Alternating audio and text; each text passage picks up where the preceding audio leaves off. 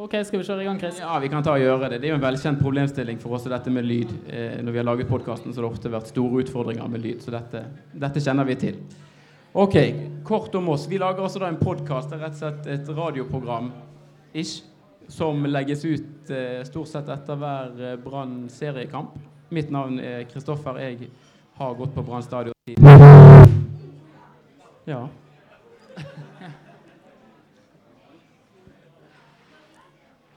Går det bra? Skal vi bare fortsette? Ja. Siden eh, eh slutten av 90-tallet eh, opplevde gode tider med både seriesølv og bronse og cupfinale og trodde at Brann alltid var god i fotball. Men det viste seg etter hvert at de er ikke alltid like gode. Men det er i hvert fall Det er kort om meg. Ja, skal jeg ta opp eh, tråden? Daniel heter jeg.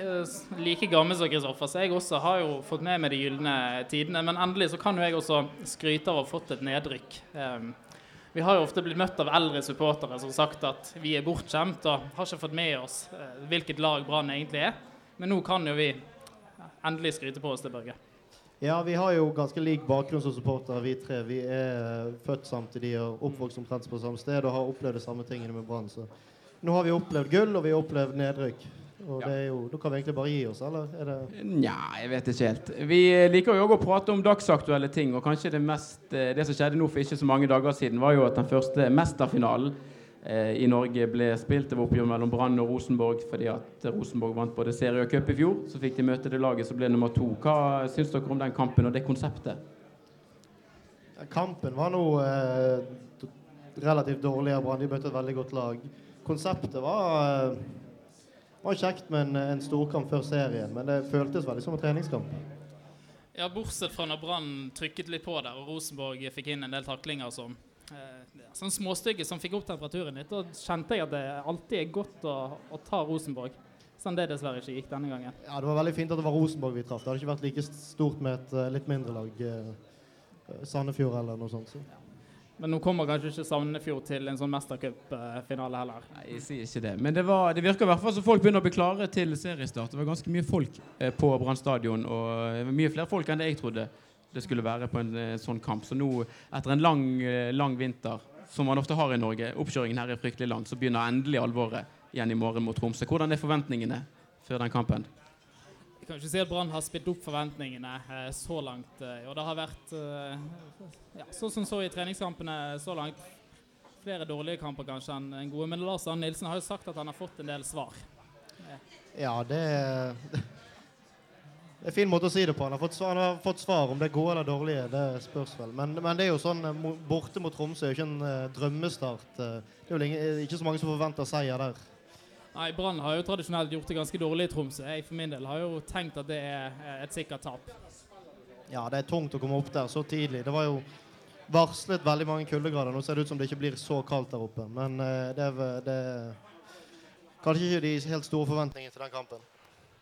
Nei. Eh, vi skal prate litt mer om det etter hvert. Vi får bl.a. opp både en journalist fra BA og BT. De har tippet Brann på henholdsvis femte- og eh, syvendeplass. Hvis du på en måte skal um, se litt inn i, eh, i glasskulen, hva for sesong ser dere for dere at Brann får i år?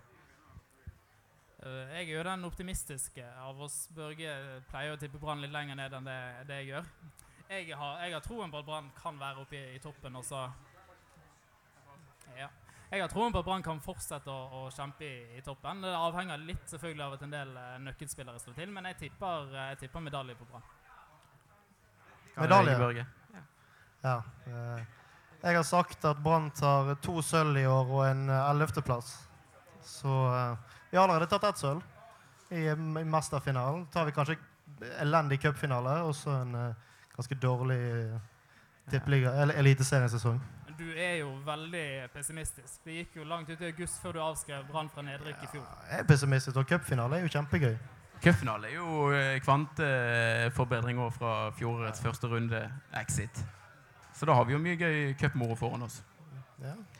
Um, det, som sagt, vi har to journalister som skal være med oss her i dag. En som heter Mats Bøyum, som jobber i Bergens Tidende, og Jan Gunnar Kolstad. Jeg vet ikke om de etter hvert bare vil begynne å gjøre seg klar til å innta podiet, som de sier i Skal vi danse. Eh, for nå har jo dere pratet litt om hva forventninger dere har til Brann. Men dette er jo da en gjeng, to menn. De får rett og slett Jobben deres er å skrive og vite mest mulig om Brann. Disse må vite hva de prater om. Så må du huske å spørre hvilken plass du, tippet Brann på i fjor. Det skal jeg ta og huske. Og da er det egentlig bare å ønske hjertelig velkommen Jan Gunnar Kolstad. Vil du sitte der, eller vil du Der, ja. Ja. Får vi en, en der. Nei, det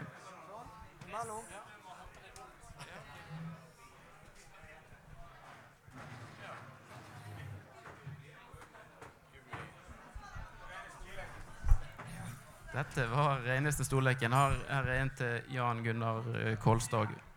Velkommen på scenen her, eh, gutter. Dere eh, følger Brann tettere enn de aller, aller fleste. Mats, jeg begynner med deg, da. Vinteren og oppkjøringen til Brann 2017. Hvordan vil du oppsummere den? Den uh, tror jeg vi oppsummerer sånn at jeg har ikke blitt uh, to gram klokere på hvor god eller dårlig Brann er. Jeg har ikke peiling. Nei, det Er det samme inntrykket som du har, Jan Gunnar? Nei, altså jeg eh, Klokere de eh, er vel omtrent sånn som i fjor, og eh, litt bedre. Ja. ja. Men de, Tror dere at de blir bedre enn i fjor òg? Jeg ser ikke noen grunn til at de skal bli dårligere. Altså de Spillermessig så har de bytta ut en kar som var en knallgod kaptein, men ikke sånn outstanding. Bare se hvordan Demidov sitt lag gjør det i USA. Sant? Så hvis Vito Wormgård er brukbar, og det tror vi han er, mm. så har de forsterka seg i midtforsvaret. Og det er ikke sikkert at de trenger en sånn voldsom kapteinstype nå når de er litt etablert og har litt sjøltillit. Så jeg vil si de er litt uh, forsterka. Ikke minst òg siden Børven ser skarp ut. Så jeg tror vi kan, uh, I og med at BA nå har tippet Brann på femteplass, og vi i BT tippet på syvendeplass, så er vi vel jævla sikre på at de blir nummer seks. Altså, Jeg uh, fikk jo ikke viljen min. Jeg ville jo ha dem på tredjeplass. Så, Såpass høyt? Ja. ja. Ja, altså Jeg ser ikke hvorfor altså Det er veldig mange andre som prater om at de skal bli bedre, men jeg er ikke sikker på om noen andre enn Molde av alle disse som skal bli så mye bedre enn i fjor, blir så mye bedre enn i fjor. Og så ser jeg ikke noen grunn til at Brann skal bli så mye dårligere. Det er veldig eh, østlandsk det der med å tro at Sarpsborg er så forbanna gode i fotball, at eh, Odd er så utrolig gode i år igjen. Eh, så jeg tror at Brann har alle muligheter til å slå de fleste lag, bortsett fra Rosenborg. Ja. Hva tror dere vil kjennetegne Brann i 2017? da? Er det de samme knaggene og de samme tingene man kan feste ved Brannlaget? At det er godt organisert og stram organisering? Og Nei, det blir ellevill gladfotball. Det er jo det Lars Arne Nilsen står for, så det er jo greit. Nei da, det blir det samme som i fjor. Blir det akkurat det samme, tror dere? Ja, det tror jeg. Jeg uh, syns kanskje de tør det mer i begynnelsen av vinteren. Nå mot slutten når det nærmer seg alvor. De kanskje har prøvd å gjøre det de skal gjøre, f.eks. i eh, Tromsø i eh, morgen. Jeg tror ikke det blir noe eh, stor risiko over det Brann finner på i snøen. En del snakket i fjor om at Brann kunne komme litt skjevt ut. At de hadde et ganske tøft kampprogram på begynnelsen av sesongen. Og så kom de jo veldig greit fra det. Hva tror dere om den serieåpningen som Brann har i år? Nå er det Tromsø borte første kamp, og så er det Godset hjemme, og så Kristiansund borte og Haugesund hjemme. Blir det OK poengfangst der og på en måte OK tider å være branntrener i eh, Jan Gunnar? Eh, de taper i morgen i snøen. Ja, ja. ja. Men eh, det er ikke noe krise. Det er mange lag som kommer til å tape i eh, Tromsø. Så eh, ja, så får vi se, da. Kristiansund kan de jo sikkert ta. Godset hjemme. Jeg er jo blant de som ikke tror på at Godset skal bli så forbanna god. Så mm. Eh, ja. Men i morgen skal de få slite. Jeg tror eh, Vi har veldig mye av bildet allerede om en måneds tid. Da har Brann gjort unna mange av de tøffe kampene. Kanskje i morgen det verste tidspunktet å møte Tromsø på hele sesongen. Trolig er Kristiansund i eh, deres eh, første eller andre hjemmekamp det bortimot verste tidspunktet å møte de på. Godset nå, vanskelig å si. Ja. Men kommer Brann ut av dette med fem, seks, syv poeng etter tre kamper, så kan det bli en veldig god sesong. Mm. Men for det er jo det vi alle sammen eh, lurer på. Der kan jo du òg komme litt, Børge. Altså, hva, hvordan blir Lars Arne Nilsen når han møter motgang? For han har jo ikke møtt motgang som branntrener tidligere. Han har liksom bare håndtert det ved å unngå å tape to seriekamper på rad i Eliteserien f.eks. Ja. Han liker veldig godt å si at han ikke har tapt to kamper på rad for Brann, men det er jo en, eh, ja, en løgn. Nei, jeg tror eh, de, de små dryppene han har fått av motgang, virker det som han er litt sånn Rune Skarsjord i stilen. Han, han, blir veldig sur og tverr og forstår ikke forstår veldig lite av, uh, av, kritiske spørsmål. Så det kan bli spennende hvis Brann går på en, en, eh, en lengre uh, motgangsperiode nå. Eh, si før, før, sommeren eller noe. Hva skjer da? Da kan både media og publikum surne litt, tror jeg. Mm. Altså, jeg eh, satt med Lars Arne Nilsen før fjorårssesongen. Han sa at en av de eh, største utfordringene hans var å lære seg å takle media. Eh, det har, eh, som nevnt her, ikke han blitt så veldig god på. Han blir eh, skikkelig sur og tverr hvis eh, hvis han ikke har dagen, og hvis vi er litt uh, stygge med dem. Uh, og Der syns jeg rett og slett klubben har en uh, oppgave å gjøre med å få han til å forstå at sånn kan han ikke framstå. Altså, Media er bare mennesker, de òg. Så hvis han er sur og tverr, så er det mer sannsynlig at vi blir litt sur og tverr, og så blir publisiteten rundt klubben mer negativ enn han trenger å være. Så det blir spennende å se hvis han får motgang. Kanskje ikke problemet hans mest at han kan være sur på media eller sur i media, men at han bruker mye energi på detaljer og småting. Det kan han gjøre av og til. Henge seg opp i ting som han ikke burde brydd seg om. Det er jo masse trenere rundt om som gjelder sur utad. Uh, Mourinho, Førgussen, Nils Arne Eggen. Det er jo ikke sånn at de var så blide hver eneste dag. Så. Altså, ja, eh, sur kan han få lov til å være, men eh, jeg, jeg pleier å si til folk som eh, bruker mye energi eh, av fotballspillere og trenere at de rett og slett bare må slutte med det. De må drite i hva vi gjør. De påstår sjøl at de gjør det, men det er veldig tydelig hvem som bruker masse energi på det. Og Lars Anne Nilsen er en av de. Det burde han slutte med. Eh, for det at vi skriver Hvis vi tar ti saker, da, så er fem positive. Fire er ganske nøytrale, og én er negativ. Alt i alt så blir det veldig mye positiv publisitet rundt klubben, så de må lære seg å se litt stort på det. Mm. Men eh, noen henger seg opp i den ene negative saken. Og ja, kanskje han er en av dem. Mm. Men er ikke det litt av eh, sjarmen med det å jobbe som eh, lokaljournalist òg, at du kommer borti litt forskjellige trenertyper? Rikard Norling slo jo i hvert fall utad som en helt annerledes eh, trener og brannleder å forholde seg til. Hva tenker du om det, Mats? Ja, Rikard Norling tror jeg ikke åpnet en uh, bergensk avis i løpet av sine uh, snaut uh, to år i byen. Uh, Lars Arne Nilsen har likt veldig godt å si at han ikke gjør det, men det er jo tøys og fanteri. Altså, når det gjelder Rikard Norling, så var jo problemet at han leste seg ikke opp på norsk fotball i det hele tatt. Verken når han var her eller i forkant. Han kom jo hit med en forestilling om hvordan han skulle spille, uten å vite noen ting om hva lag han kom til. Så det går an til å gjøre det på ulike måter. ja, i den grad Lars Arne Nilsen sier at 'jeg bryr meg ikke', så er det, det er sprøyt. Så, mm. ja. ja. Men litt tilbake til dette tabelltipset til eh, BT Mats. Det så de spår en nedtur for Brann og så en syvendeplass. Hvis du på en måte løfter blikket litt og, og sier at fjorårssesongen var litt mer uh, unntaket uh, At Brann så sent som i 2015 spilte på nivå 2, er ikke en plass midt på tabellen, øvre halvdel, OK for Brann å være? Jo, jeg tror ikke det blir uh, opptøyer verken hos eh, noen av avisene eller i eh, Bergen som sådan hvis Brann blir nummer syv og gjør, en, gjør, det på en OK måte. Altså, det er grenser for hvor kjedelig fotball du kan spille på Brann stadion. Jeg tror nesten det blir et problem for Lars Arne Nilsen før resultatene blir der. Um, for det er noe med tålmodigheten som en eller annen gang tar slutt med publikum på stadion. Men eh, syvendeplass eh, overlever eh, både klubben og han og laget helt fint med. Men det er jo enkelte ting, syns jeg, da, som kan gi oss tro på at det kan bli litt mer positiv fotball. Fredrik Haugen har tatt enda et steg. Han har tatt steg hvert år i det siste, og nå treffer han nå treffer han hva det skulle være på 60 meters avstand. Han, silkefoten hans har blitt enda mer følsom. Han ser veldig bra ut. Og Hvis vi kan bytta ut en litt gampete Jakob Orlov med en litt mer målfarlig Børven, så eh, tenker jeg at eh, det kan bli litt mer offensive takter. Det kommer aldri til å bli sånn ellevill eh, gladfotball med Lars Arne Nilsen som trener. Men han, i motsetning til Nordling, har jo sett hva materialet han rår over. Og han har ikke disse her sinnssyke individualistene. Så da bygger han et lag ut ifra hva de har. Og det er jo fornuftig. Mm. Det som jeg eh, leker med tanken om, er jo at uh, Lars Arne Nilsens spillestil egentlig er smidd for Europa. Ja. Og Det hadde jo vært det gøyeste av alt vi kan få oppleve denne sesongen. At de faktisk kommer et hakk eller to videre. På en eller annen finurlig måte nesten roter seg helt inn i et gruppespill i Europaligaen. For den fotballen Brann spilte i fjor, passer kanskje bedre der enn uh, i norsk eliteserie. Ja. Altså, utfordringen er jo ikke å gå på en kjempesmell mot Shelburne i uh, andre kvalikrunde eller noe sånt. Ja, alltid et bananskall. Ja, Men det er jo mye prat om relasjoner i fotball. Jeg synes jo Det som har gledet meg mest i vinter, eh, det er jo denne Fredrik Haugen, Torgeir Børven. Det virker på en måte som de har litt sånn en, en link og en forståelse av hverandre både med pasninger og bevegelser. Så der har Brann noe spennende som man kan bygge videre på. Ja, De sa jo til og med etter eh, kampen mot Sogndal, der eh, Fredrik Haugen traff hodet til Børven etter ti unnskyld, seks minutter og de skårer igjen, så eh, var det noe de hadde snakket om i forkant. Og hvordan de beveger seg, og at han skal se at det bør vende. Og det funker. Ja, spennende. Ja, Fredrik Haugen var uh, ifølge VG i hvert fall den spilleren i hele serien i fjor som spilte fri en lagkamerat alene med keeper flest ganger.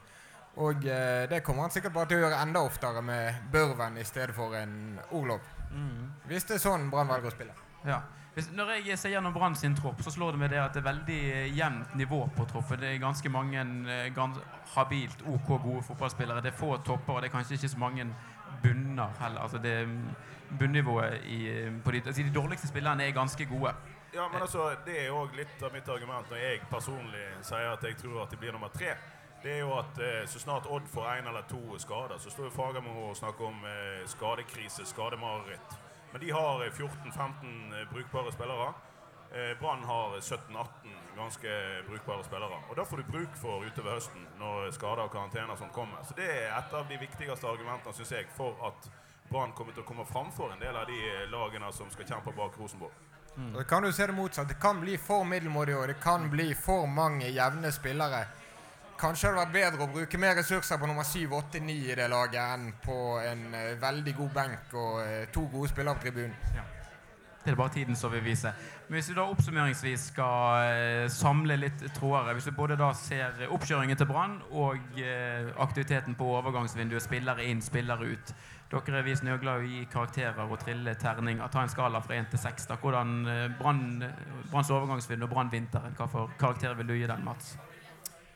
Um, den må jo uh, få en uh, solid fire på terningen, syns jeg. Uh, Wormgård da viser de styrkemuskler som veldig få lag i Norge kan vise. Peter Åge Larsen er jo en tro kopi av Remi Johansen. Men greit nok, det er et valg de gjør.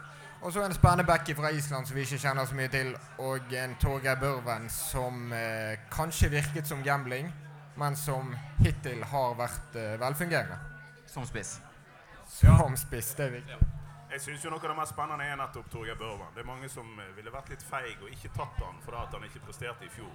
Men eh, Lars Arne Nilsen sa jo hele tida jeg kan ikke bytte på et lag som fungerer. Børvan får ikke lov til å vise det han kan, men eh, så tar de han allikevel tilbake igjen. Og Det tyder jo på at de har sett noe i han som, eh, som vi andre òg nå har fått se i løpet av vinteren. Og så stusset jeg veldig når de henter Wormgård istedenfor å satse på U21-landslagskaptein Jonas Grønner. Men eh, nå har jo ikke Grønna vært god i vinter, så det er godt mulig at det var riktig òg, da.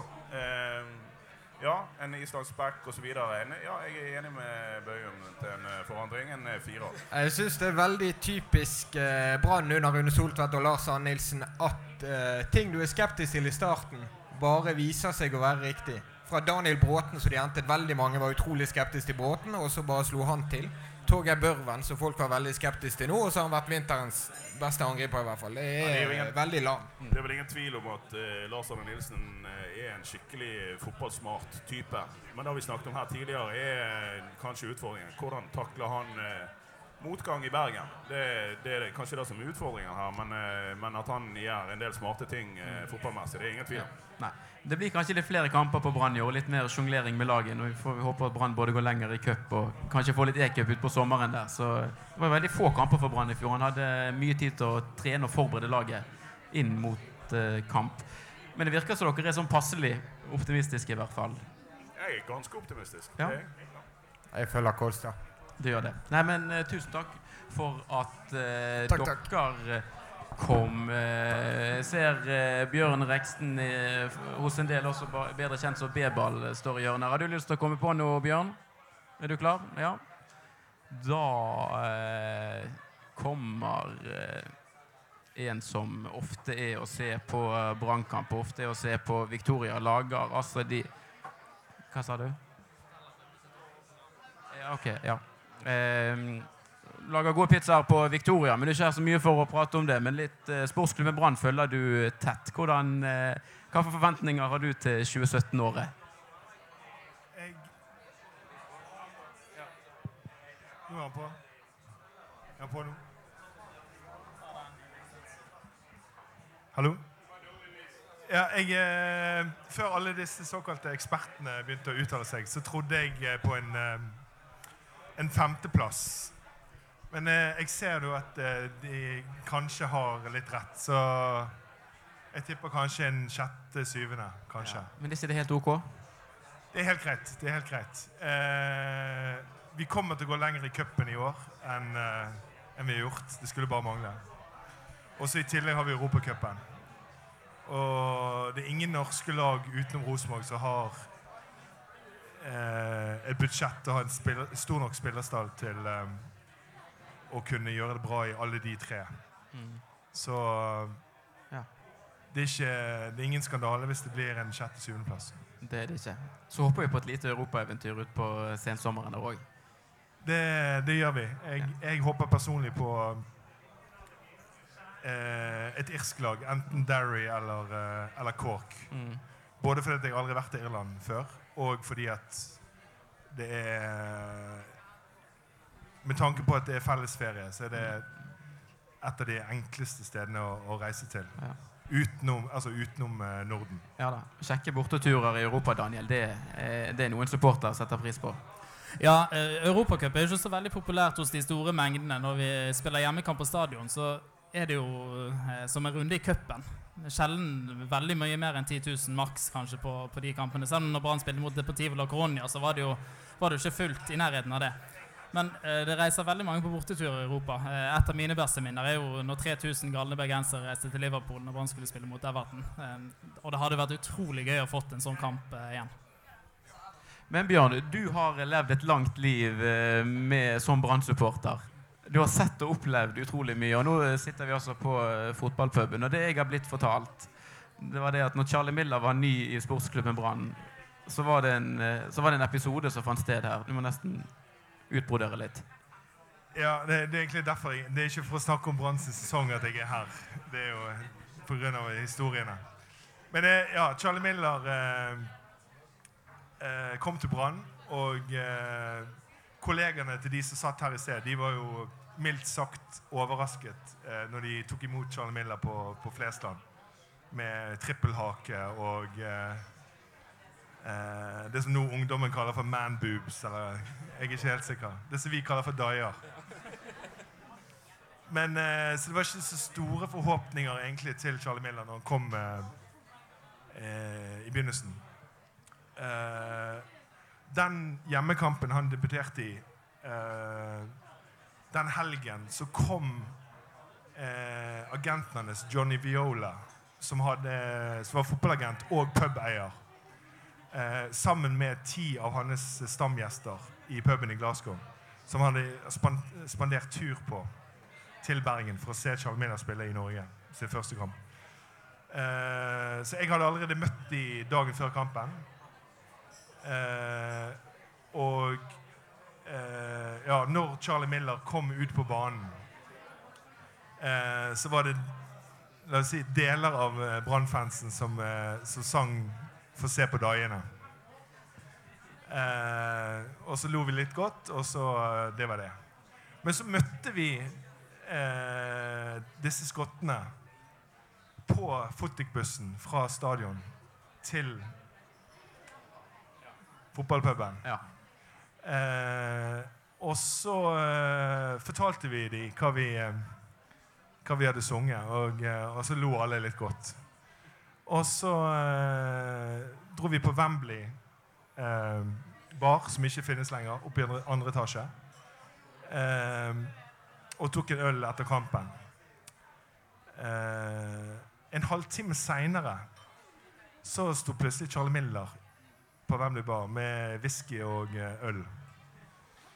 Og, um, og så ser jeg at eh, en av de skotske supporterne de kommer bort til Charlie Miller. Og så preiker de sammen, og så peker de på meg. Jeg, uten å høre hva de snakker om. Og så sier Charlie Millan til han Skotten, og så kommer han Skotten bort til meg og sier Hei, Charlie, Charlie wants a word. Han har lyst til å snakke med deg. Og da sto han eh, helt i enden av baren, dvs. Si, altså med ryggen mot eh, Håkonsgaten. Eh, og så måtte jeg gå kanossagang i 30 meter fra andre enden. Og så én eh, meter før jeg, eller før, fra han, når jeg skulle akkurat til å stoppe, så lente han seg over baren og tok et, eh, et rent halvliterglass. Og, så, eh, og slo det mot hodet mitt. Og stoppet én centimeter fra skallen min. Mhm. Og så la han det ned rolig, og så sa han Hører eh, dere synger om meg. Ikke veldig hyggelig. Mhm. Og så bare Jeg bare unnskyldte meg og sa sorry, sorry Charlie. Det, det, vi skal ikke gjøre det igjen. Nei. Og så eh, Ja, halvtime, time seinere um, Da uh, hadde iallfall han blitt litt fullere. Mm -hmm. uh, jeg var på vei ut av toalettet, han var på vei i motsatt retning. Og så så vi hverandre og så bare tenkte OK. Begge skulle unnskylde samtidig. Um, og så um, snakket vi i munnen på hverandre. Og så til slutt så fikk han ordet. Og så sier han på en veldig, veldig, veldig tjukk Glasgow-aksent When I'm fat. When I'm fat. Og så bare, og så bare, og da bare avbrøt jeg med en gang. No, Charlie. No, Charlie. I'm fat. I, I'm fat. You're not fat. Og så Da ble han kokende gal igjen. Og så tok han tak i, med begge nevene i klærne mine. Og så prøvde å snakke Oxford-engelsk og sa Listen, big man, when I'm fit You'll see. Så da eh, hadde jeg gjort dagens tabbe nummer to. Ja. Eh, og så eh, kom han i form, mm. og så eh, så vi at han faktisk Når han kom i form, så var han faktisk en av eh, Norges beste spillere. Ja. Utrolig fotballhode, utrolig fotballhjerne. Det er, det er synd at det ikke er så mange uh, av den type spillere i Brann eller i Tippeligaen egentlig lenger. Kunne gjøre det helt geniale, i hvert fall. Ja, altså det, det er så greiene. Nå er det sånn kritikken mot både både si, stallen til Brann og mange andre spillerstaller i Norge er jo at, at det bare Du har ikke det geniale lenger. Det, du har ikke de karakterene, de typene. Det, alt handler om eh, BMI og fettprosent og eh, hvem som kan løpe fortest og, og lengst. Og jeg tror det er veldig sunt for, eh, for den moderne fotballen at de ikke glemmer at, at eh, det er greit å ha en, en, et par sånne eh, fargerike karakterer, typer, i, i, klubben sin. Men det som er greia, er at skal de, skal de, være sånn, så må de jo faktisk være veldig gode òg i tillegg. Du kan ikke ha en, en sånn type spiller som er do, klubbens dårligste spiller. Nei. Han kan ikke være Dani Hattaka, rett og slett. Nei. Så eh, Men eh, Ja. Så ja. Det var eh, Altså, alt det, Man har en tendens til å tenke liksom alt var bedre før. og Det, det stemmer aldri. Men, men det er kanskje noe i det at det er bra å ha noen noen eksentriske typer ja. i spillerstallen. Ja, det er noe med artistene Daniel, som har vært i Brann. Altså både Charlie Miller, SNM, Raymond Kvisvik og er jo en spiller som mange Brann-supportere holder utrolig høyt. Og det, nærmeste vi har i dag, er kanskje Asa Karadas. Som ikke er den artisten, men som har noen sånne ekstreme kvaliteter. og som altså Bare han setter i gang og oppvarmer, eh, så merker du at det skjer noe med stemningen på, på hele stadion. Så jeg tror det er veldig veldig viktig å, å ha den typen veldig glad for at Brann forlenget med Asa Karadas til slutt. Apropos eh, finske forsvarsspillere, så eh, ble jo eh, Kvisvik hentet inn Jeg kan ikke huske hvilken eh, runde det var han ble hentet inn i, men den ene gangen han ble hentet inn, og Harry Yllen spilte i klubben, så tror jeg det, noe av det første han gjorde, det var at eh, når alle spillerne var i, eh, i dusjen etter en kamp eller trening, så var det én spiller som hadde ryggen til eh, resten av laget, og det var Harry Yllen. Så da gikk Kvisvik bort og, og, tømte låret sitt på hans rygg. Til stor fornøyelse.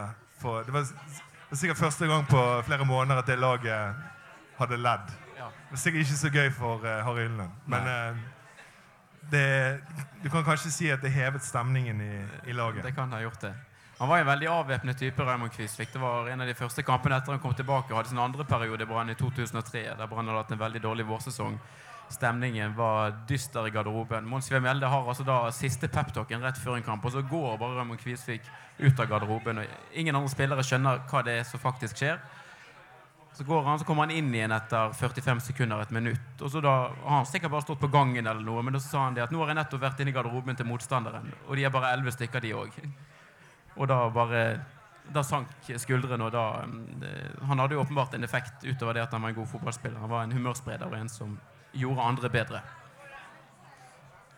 Ja, du må, du må, du må ha uh, Som sagt, du, du må ha gode spillere som altså de, de, må være gode nok, og de må være gode nok i alle fall deler av sesongen til å heve seg, sånn at de, de faktisk hever ikke bare sitt eget spill, men òg uh, laget. Ja. Nei, men Bra.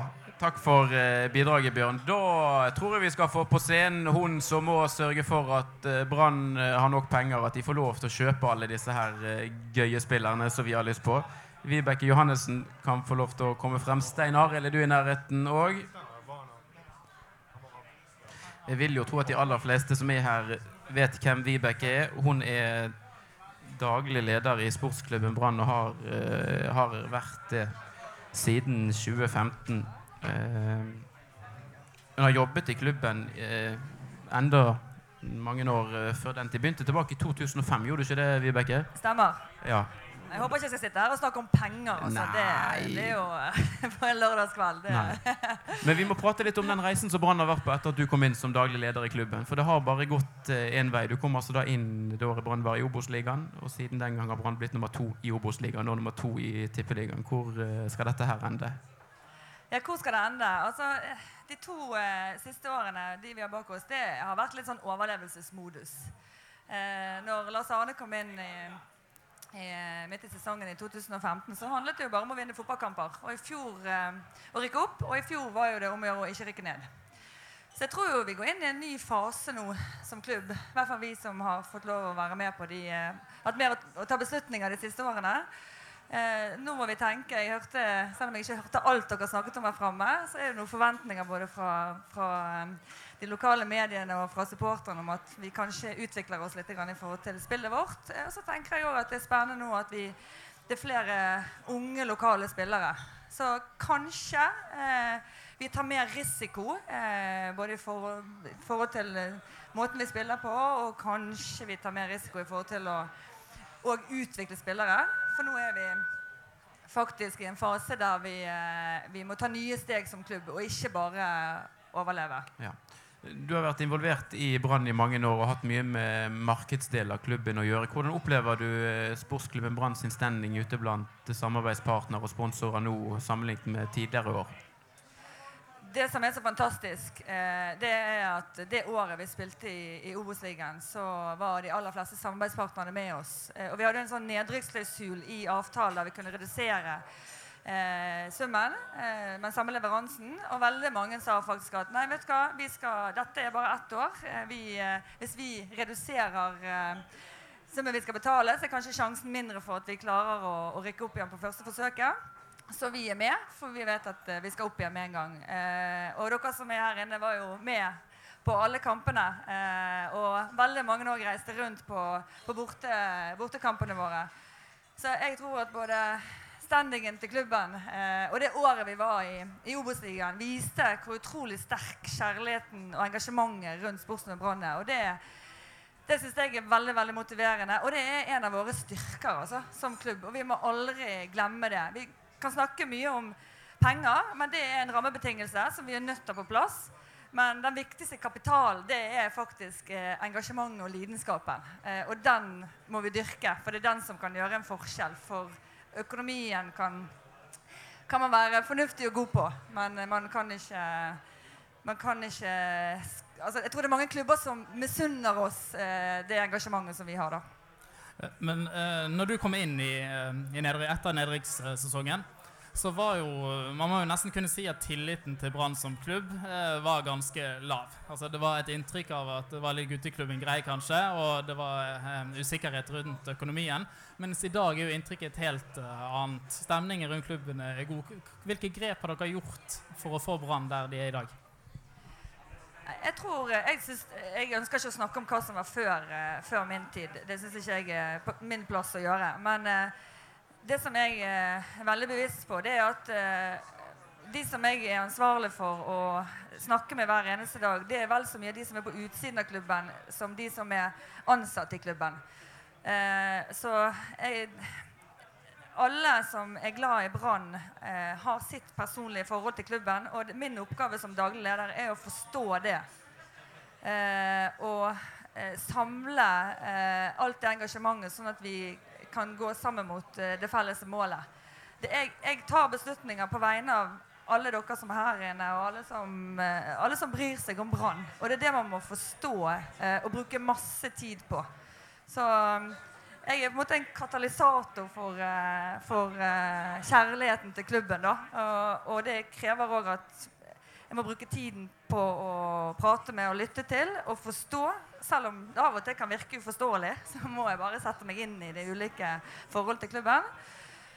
Eh, og så krever det òg at jeg må, og vi må fortelle hvordan vi tenker for å prøve å gi så mye innsikt som mulig i forhold til de valgene vi tar. Selv om det er selvfølgelig komplett umulig å gi, gi all informasjonen.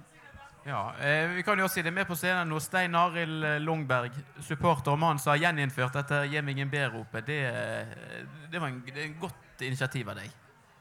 Ja, det, er så, det, er ikke like godt for halsen, men eh, det, det, er kjekt å se responsen på det, på ropet. Det er jo liksom litt av driven for å fortsette med det. at det, eh, man får faktisk en, en kjemperespons, og, og, ja, det er, det er kjekt. Ja.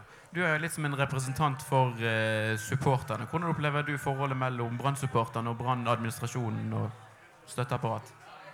Nei, altså Min opplevelse er at den er kjempegod nå. Det er tett samarbeid. Jeg kan jo bare si det at når vi fikk, når jeg sendte melding til Vibeke ti over ti på kvelden om hun kunne ringe meg, så ja, fem minutter. Så fikk jeg telefonen, og ja, selvfølgelig stiller jeg opp og kickoff for dere. Altså ingen problem. Så det er jo eh, ja. syns jeg er veldig bra. Kanskje et litt dumt og tåpelig spørsmål, Vibeke, men hvor viktig er supporterne for eh, Brann? Ja, helt riktig. Det er et uh, dumt uh, spørsmål. Uh, for det, det, er jo det de handler om. det er jo, Spørsmålet om han er ingenting uten supporterne. og det er jo de som er kontinuiteten, og spillere kommer og går. Men det er jo det er jo det det handler om. Det er jo fellesskapet, engasjementet rundt klubben og kjærligheten til klubben eh, som er gjennom generasjoner. Så ja. Vi som er her i dag, vi er jo dumme nok til å gå på stadion uansett hvordan Brann eh, gjør det. Men hvordan skal man klare å lokke nye Brann-supportere til stadion? Ja, altså, Dere er jo ikke dumme nok. Dere er jo smarte nok. Det er det det handler om. Det jo Nei, et, og det er et godt spørsmål. For det, uh, det er klart at vi ønsker jo å ha, eh, rekruttere nye uh, supportere. Og derfor så Det handler igjen om å lytte. Så vi har jo nå hatt samtaler med barnefamilier bl.a. For vi må begynne å rekruttere de helt unge igjen. og det, De har sine forventninger, og det er mer enn det som skjer i to ganger 45 minutter. Det er alt som er rundt. Alt fra kiosken til barneselskap til aktiviteter i forkant av, av kampen. Så da må vi prøve å legge til rette for at uh, det blir en totalopplevelse for familiene, som da etter hvert beveger seg inn i den trofaste supporteren som kommer på hver eneste kamp uh, og ikke tenker kiosk lenger nødvendigvis, men er mer opptatt av, uh, av fotballkampen. Mm. En av hva skal jeg si, nyvinningene i år, Stein, det er jo denne Bataljon Ung. som er, ja, Du kan jo fortelle litt mer om hva det går ut på? Det har jo vært på, på blokken en stund, men nå har det i år fått uh, fotfeste til slutt. Uh, det er en god samling av, uh, av barn og ungdom fra 7-8 årsalderen opp til 13-14 som Uh, har fått en egen plass på, på nye BOB-tribunen, rett bak mål der. Og det er jo det er jo et område vi til, i bataljonen kommer til å ha veldig fokus på nå fremover. For det er viktig for rekrutteringen å gi, rett og slett gi de yngste et, et tilbud. der de kan treffe nye venner og, og egentlig få, få, ta del i denne lidenskapen som, som Brann gir veldig mange. nå. så det tror blir, det tror jeg blir bra når først ballen begynner å rulle skikkelig. Ja, for konkurransen den er ganske knallhard, eh, Vibeke, med både Premier League og La Liga og Serie A og, og hva de nå heter. Men det er jo en viktig gruppe å få med seg de aller minste. For de, de blir De blir jo både dagens Brann-supportere, men også fremtidens supportere. Helt riktig. Så det samarbeidet som vi nå har fått i gang, det det tror vi eh, det begynner å bli bra allerede nå. Eh, og så ser vi òg at det er veldig mange som har kjøpt barneparturkortet. Eh, så det er òg interessant. Og barna de drar jo med seg foreldrene, for det er jo de som bestemmer selvfølgelig hva man skal gjøre.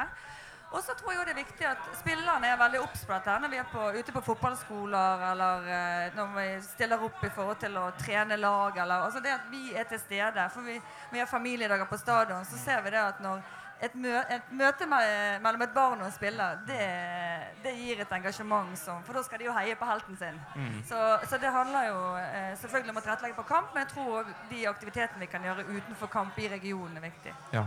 Jeg må, jeg må si så Mitt eh, brannhjerte ble jo veldig varmt da jeg var på dette kickoffet eh, som Brann hadde for eh, for noen dager siden, for der man veldig ofte ser unger som går rundt med drakter der det står Messi og Ronaldo og litt andre navn bak. Og så var det plutselig det vrimlet av uh, små unger som hadde store stjerner i øynene, Stein, som på en måte fikk møte brannidolene sin, og det var nesten det, sikkert det største de gjorde den dagen. Ja, det er altså Det ser jo jeg for meg sjøl som far, at, uh, at når uh, guttungene heller snakker om Brann enn en engelsk fotball, så er jo det, er det stort, selvfølgelig. Og det er det vi må vi må gi dem et tilbud. De må vite at Brann er der, og de må vite at der, hvis vi klarer å gjøre opplevelsen kjekk for dem, og at det faktisk skjer noe på stadion for dem, så ønsker de å komme igjen. og da, vil dette bygge på seg, og vi, og vi vil allerede skape grunnlaget for det som blir storestå om noen år. Mm. Jeg har bare lyst til å si en ting, og det er at Spillergruppen nå er jo veldig opptatt av uh, supporterne. Og jeg ønsker jo, altså, De er utrolig takknemlige for den støtten de har fått. Snakker mye om det. Hvordan kan vi skape enda flere opplevelser sammen? Det var spillerne som ønsket å ta ut Coca-Lele, f.eks. For, eksempel. for de hadde jo det seiersropet i garderoben før. Men de hadde jo ikke vunnet uten, uten supporterne. Så de ønsker jo å feire sammen med supporterne. Og så foreløpig så gjør vi det ikke på bortebane. For det har vært litt sånn respekt for, uh, for uh, bortelaget. Men vi får nå se, da. Om vi, jo, berømte Brann fra Bergen på tur. Det må jo være lov å ja, ja, være litt brisk og ja, eh, frem med kassen. Vi, vi lurer på det om vi skal uh, få til noe der, men vi har vært litt sånn avventende i forhold til det. Men, uh, men uh, det skal dere vite, at den spillergruppen som er nå, er ekstremt opptatt av det samspillet mellom supporterne og, og spillerne. Så det er viktig. Ja, Kanskje Stein kan ta den Coca Lele på bortebane, men den stemmen din den bærer jo så langt. Jeg tror vi skal spare den til andre ting. Vi kan i hvert fall slå fast at Brann er et veldig populært fotballag. Jeg drev og så gjennom eh, terminlisten til mm, Eliteserien 2017 og så hva for kamper skal gå på åpne kanaler. Da er det 17 runder som er berammet. Samtlige av Branns 17 kamper skal gå på åpne kanaler. Det er ingen andre norske klubber som skal vises så ofte på åpne kanaler. Så det er en klubb som engasjerer bergensere, men det er jaggu med mange andre òg som har en viss interesse av det som skjer i Brann. Ja, da, og det, vi er, mange som spør om det. Hva syns dere om det? Vi vil jo helst at folk skal komme på stadion. Stein Arild var rett for jeg tok på meg T-skjorten i dag som jeg fikk eh, på kickoff her. Der eh, det veldig tydelig kommer fram at eh, at man eh, skal få både barn og voksne til å gå på stadion. og Det er jeg helt enig om. det må vi jobbe med. Men samtidig så er det jo, for de som ikke har mulighetene av en eller annen grunn, så syns jeg jo det er bedre at de får sjansen til å følge med. Jeg tror at engasjementet kan bli større av det. For hvis alt ligger bak betalingsmurer og man faktisk ikke får sett noe, så mister man kanskje, for de som ikke er så engasjerte som, som alle som er her inne, så mister man kanskje litt Eh, kontakten med klubben sin. Da. Så jeg tror jeg er ikke så veldig engstelig for at det er på åpne kanaler. Men også må vi bare sørge for at de som ser på TV, da, får lyst til å komme på stadion. Skape god stemning og til mye folk. Så ja, vi må bruke det som en kanal for å få folk på kamp. Litt av nøkkelen til å få folk på stadion er jo kanskje nettopp det at det er god stemning der. For det er jo det du får ved å gå på stadion istedenfor å se kampen på TV. Det er jo tribuneliv, og der er det jo vi som supportere som har en jobb å gjøre. Og Stein, hvordan ligger det an på tribunefronten i år? Kommer, altså, nå, tidligere så var det kanskje VIF som uh, var den argiske konkurrenten. Rosenborg har begynt å få veldig gode supportere. Hvordan syns du at Brann-supporterne ligger an i tribunekonkurransen? Nei, altså, jeg, Hvis du ser på, på fjoråret vi hadde sånn TIFO-messig, da, så en stor del av tribunelivet vårt, så, så vil jeg jo si at vi leverte absolutt helt i toppen i, i norsk fotball. Eh, og eh, det, det, det, vil jo være fokuset vårt fremover òg, at vi skal fortsette å levere TIFOR av ypperste kvalitet. At det skal bli en kjempebra atmosfære på stadion. Og så er det jo litt dette med at vi ønsker at vi skal få hele, hele Frydenbø til å være supportertribune. Ikke bare Storestå, men at vi, et samlet Frydenbø skal være supportertribune. Og, og, det tror jeg Får man det til, så har man et godt grunnlag for å lage veldig bra liv på stadion. Altså, Vi har de beste supporterne. Det er, det er, og jeg eh, ser jo hvor mange timer eh, gjengen legger ned for å, for å skape den gode rammen. Så eh, det tror jeg ikke alle er klar over, altså de som, som kommer på kamp av andre publikummere. Altså det er hvor mye arbeid som ligger bak det. Den flotte stemningen som blir skapt spesielt på, på Frydmotribunen. Så det er fantastisk og betyr enormt mye. altså. Og det var kjempegøy nå når Bataljon Ung hadde, uh, hadde dugnad. Og man ser at det er Selv om mange av disse barna har vært med tidligere og, og bidratt. men og dette legger vi merke til. altså Dette legger spillerne merke til, dette legger Lars merke til. Og det gir motivasjon. altså. Det er, det er noe med den, det forsterker hverandre, alt dette her. Så det, det betyr enormt mye, altså. Mm. Veldig veldig bra. Helt sånn avslutningsvis, da, nå er det kamp i Tromsø i morgen. Hva, er, hva sier magefølelsen før den kampen, Vibeke? Magefølelser før kamp. Det er rett og slett ro. Eller sånn spent og Men det er så deilig å ha den følelsen igjen, da. Jeg har vært altfor lenge uten den der uh, helgene som bare går. Nå er det uh, skikkelig spenning. Eh, og jeg fikk en liten videosnutt fra de der oppe i sted. Og det, har i hvert fall ikke snødd de siste timene, selv om det er masse snø der oppe. så er så er banen klar, og de har hatt en liten trening og er kjempeklar for å komme i gang. For det har vært en utrolig lang eh, oppkjøring. En lang pause, fordi vi sluttet jo tidlig i november. Så eh, jeg gleder meg, og jeg eh, tror jo alltid på seier. For hvis ikke så er det ikke noe vits å holde på. Eh, vi går for å vinne hver eneste kamp, og vi går i hvert fall for å sørge for at BT og BA får eh, feil på, eh, på sine spådommer. Ja. Så det, er fint, det. Så, så høyere enn sjetteplass. Da må det i hvert fall være et mål. Hva med deg, Stein? Det er jo alltid trist å måtte være hjemme når det er bortekamp. da. Så de eh, burde gjerne sluttet å la folk nord for Trondheim komme med i Tippeligaen, sånn at vi har sjanse til å reise. Men eh, nei, det Jeg, jeg har egentlig ikke magefølelse, men jeg er litt sånn bob-bob. Mm. Jeg tør ikke håpe på for mye. og så Litt sånn som i fjor. Ja. Nei, det, ja. Litt sånn som i fjor er jo veldig bra. vi tar den. Ja. Jeg, den tar vi en gang til. Så det Nei, men uh, Tusen takk for at dere kom. Vi håper på en veldig lang og god sesong. Vi lurer på en cupfinale ute første søndag i advent nå. Det er et gruppespill i Europaligaen som avvikles i midten av desember. Så kanskje holder vi på mye lenger enn i, i 2016. Ja, da, er det ingen som får reise på ferie i sommer, sånn at dere vet det. For det er jo trekning i Europaligaen 19.6, og så spiller vi da i første 13. og 20. eller det rundt der. Så det, det, blir ikke noe ferie på dere i juli, folkens. dere vet Det Det er en liten pause da rundt 10. juni eventuelt det går an å reise vekk. Ja.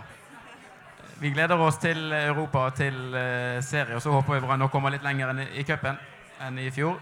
Det skal ikke så veldig mye til. Tusen takk for at dere kom. Vi har jo da gjennom vinteren i denne podkasten her hatt en uh, føljetong.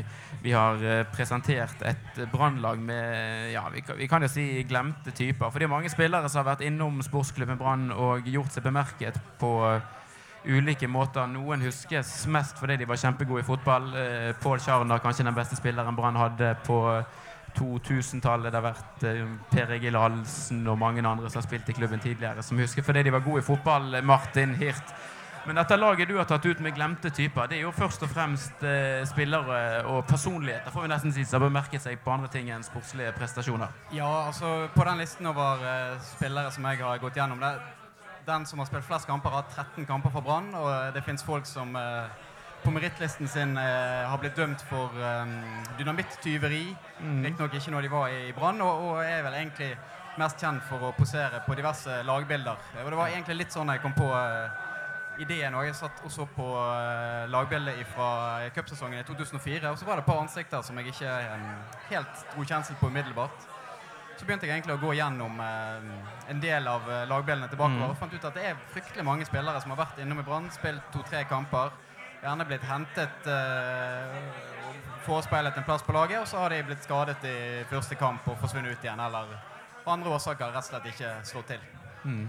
Det, er, eh, det er en skattkiste, dette her, eh, Daniel og Børge, med, med glemte typer og spillere som ikke fikk så mange minutter. Ja, Det er helt ekstremt fascinerende å høre på eh, ramse opp alle disse spillerne som du husker å ha hørt om, men så har du glemt dem for 10-15 år siden. Og så Der var det noe. Og så er det Ja, jeg jeg syns det har vært utrolig gøy å høre på dette i vinter, som har vært et fast innslag på podkasten vår. Og det gjør ingenting å få repetert denne elveren som eh, Martin har tatt ut. Nei, altså Det som har vært mest utfordrende, har jo egentlig vært å finne en keeper. Fordi eh, Brann har rett nok hatt ganske mange tredjekeepere eh, som Men problemet er at ingen av de har faktisk spilt noe særlig. Nei. For Kriteriet har vært at man har måttet spille enten i cupen, og det er jo relativt mange av disse her som har det ene cupinnhoppet. Eh, men det er jo én, og det er Kjell Olsen.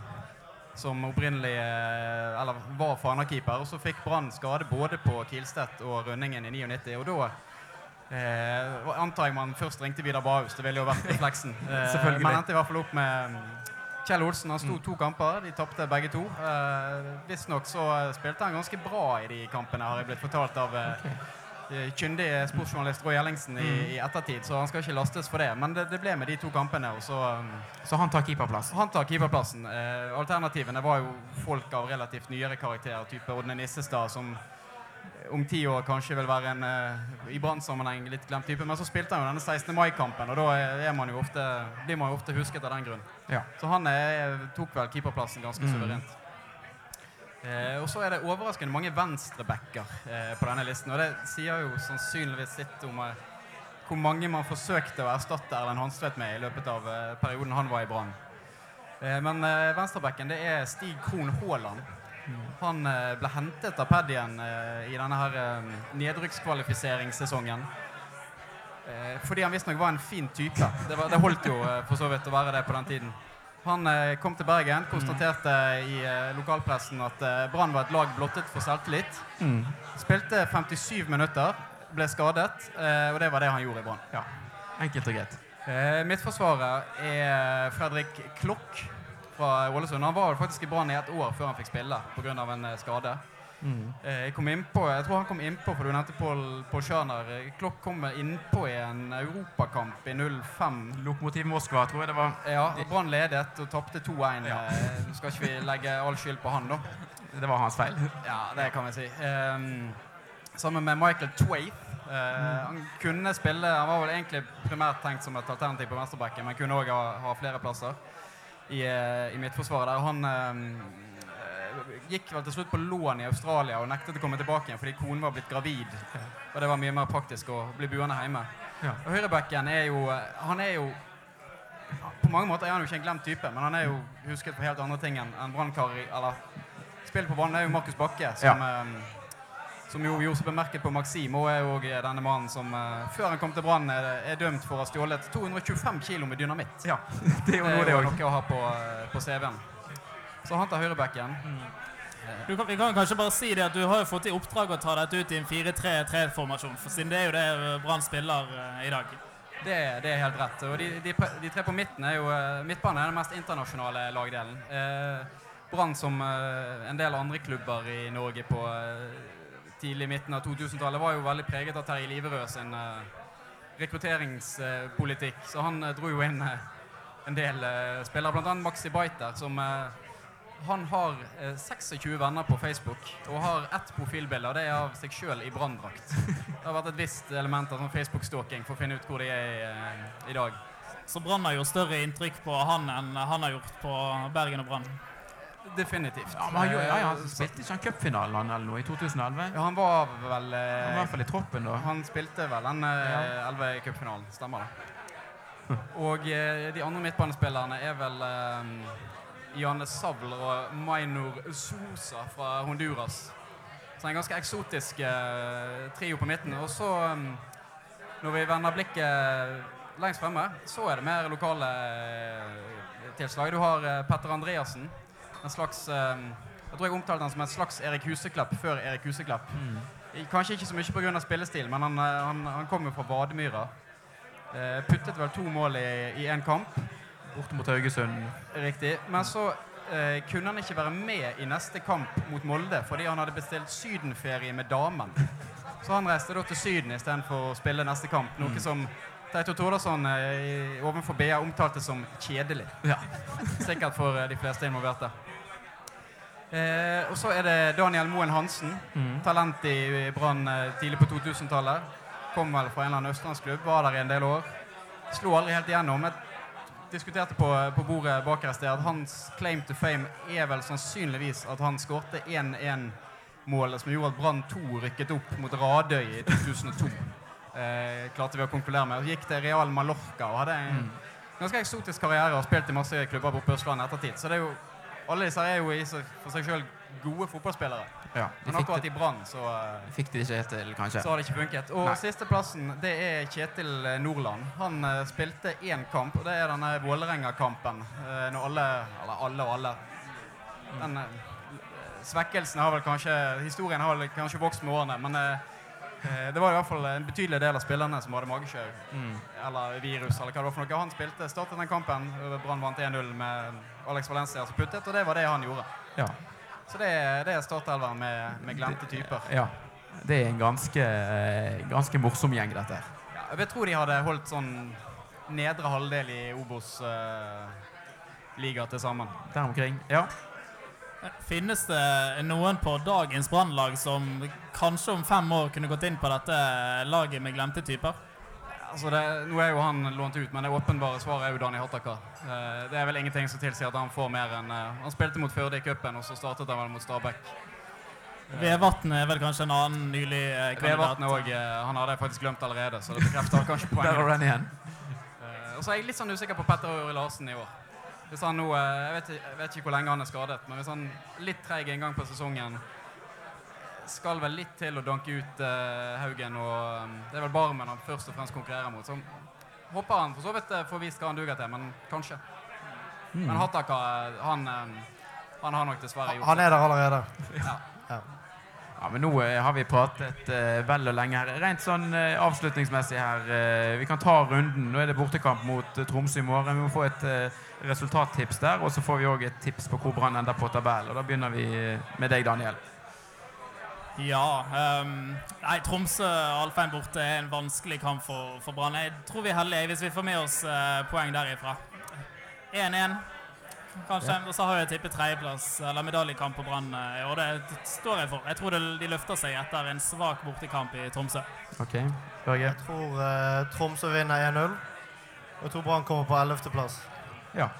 Jeg eh, tror det blir en ganske kjedelig 0-0-kamp. Eh, og jeg håper de spiller med oransje baller da, hvis det snør. Det Sånn, eh. Rød- Gullet-style. Og jeg tror Brann kommer på eh, Jeg tror jeg kommer på fjerdeplass. Fjerdeplass. Ja. Jeg sier eh, 2-1 til Tromsø og syvendeplass. Mm -mm. Fjerdeplass holder det til Europacup, det? Kan gjøre det. Det har vel med cupen å gjøre. Ja, det kommer vel an på hvem som vinner. Hvis Rosenborg tar det double, så gjør det vel fort det. Ja. Nei, men nå har vi sittet her lenge og eh, kjedet folk, så skal vi bare ta oss og avrunde for nå. Og så kommer det helt sikkert noen episoder når eh, Tromsø-kampen er spilt, og når Strømsgodset-kampen er spilt, og når Kristiansund-kampen er spilt, og når Skal Haugesund-kampen holde er det gående utover uh, sesongen, vi.